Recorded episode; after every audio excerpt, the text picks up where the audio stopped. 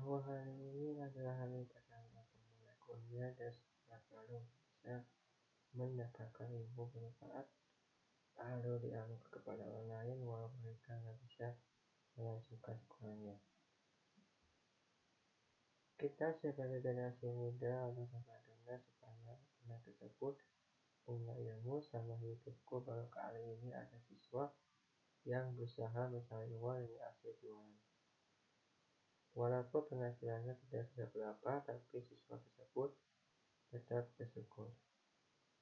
Kalau aku sudah kerja, pasti akan dibantu anak-anak yang tak bisa melanjutkan sekolahnya karena kondisi perekonomian orang tuanya tidak mampu membiayainya. Setiap orang pasti punya impian dan cita termasuk anak yang tak bisa melanjutkan sekolah.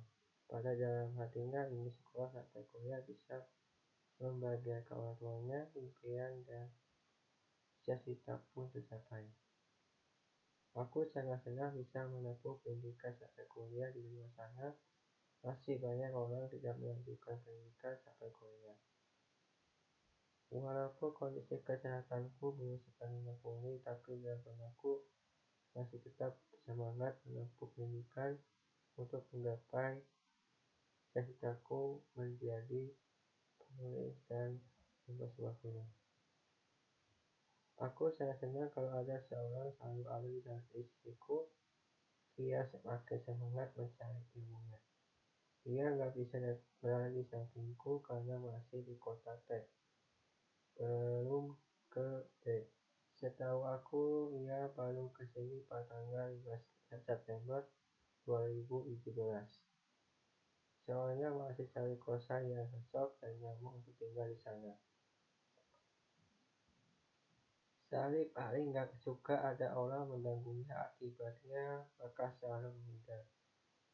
Aku tahu betul kasus seperti apa sama berada di sampingnya pada waktu masih tinggal di kota tersebut. Nah, yang aku tahu Salib memang lama, baik hati, dan juga selalu memberikan sedekah kepada yatim piatu. Gak salah kalau kita melakukan kegiatan positif yang bermanfaat bagi anak-anak gak bisa melanjutkan sekolahnya. Aku mau pun teman-teman siap mengadakan sekolah gratis. Sebelum itu aku perlu diskusi terlebih dahulu. Setuju nggak kalau kita mengadakan sekolah gratis? Pasti ada juga biaya yang cukup untuk fasilitas seperti bangunan untuk pengajar bagi anak-anak, meja, kursi, alat tulis, buku, dan lainnya. Gak cuma biayanya saja, kalau bisa ada sponsor juga supaya barang mudah untuk membiayainya kalau mengadakan dari kita bakal lama terwujudnya sekolah gratis tersebut. Dalam waktu dekat ini kita akan mengadakan rapor dadakan di sebuah aula. Mudah-mudahan saja pacarku bisa ikut sekaligus jadi wakilnya. Setelah memberikan jasa sekolah gratis, akhirnya aku sudah sampai di kampus tercinta sesuai namaku. Suasana di sini sangat menyenangkan. Mahasiswa-mahasiswa selalu tersenyum kepadaku.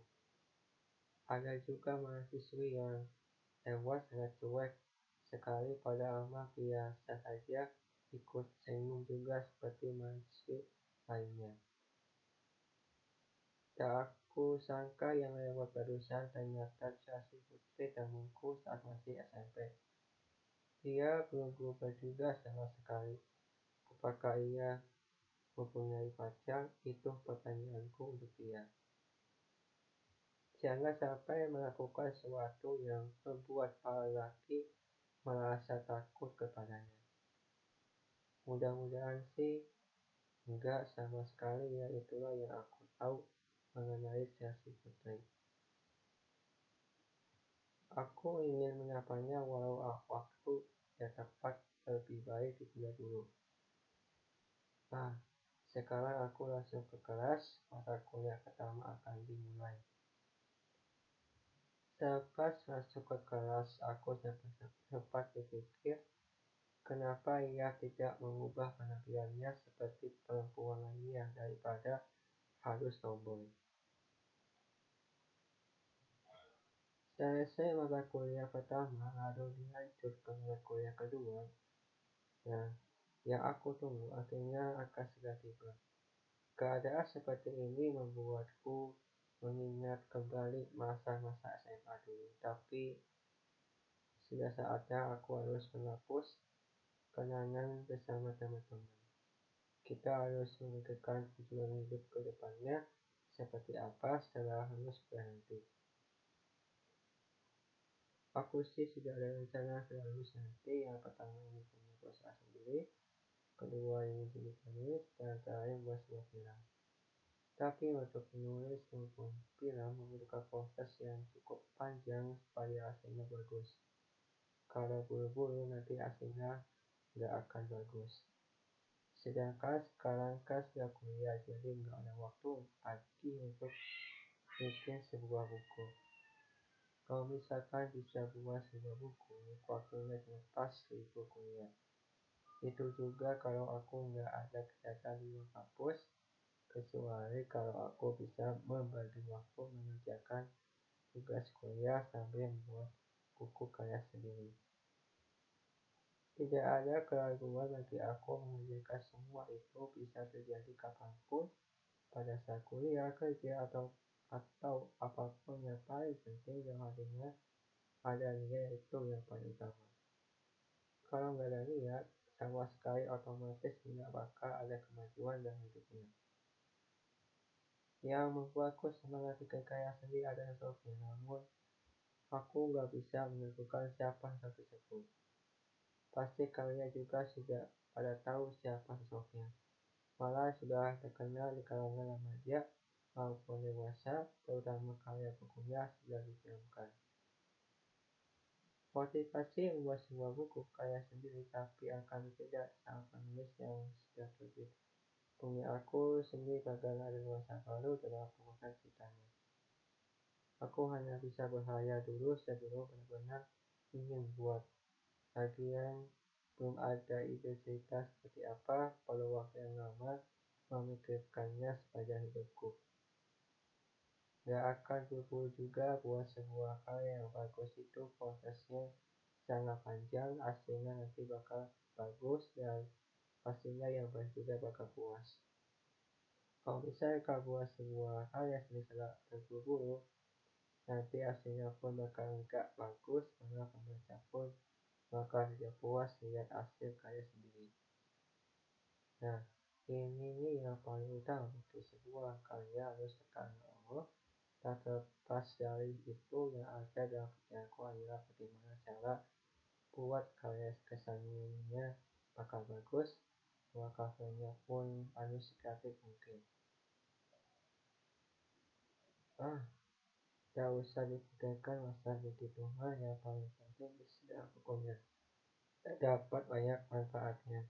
Contohnya seperti kehidupan di dunia mau ke arah-arahnya apakah mengikuti jalan yang lurus atau mengikuti jalan yang sesat.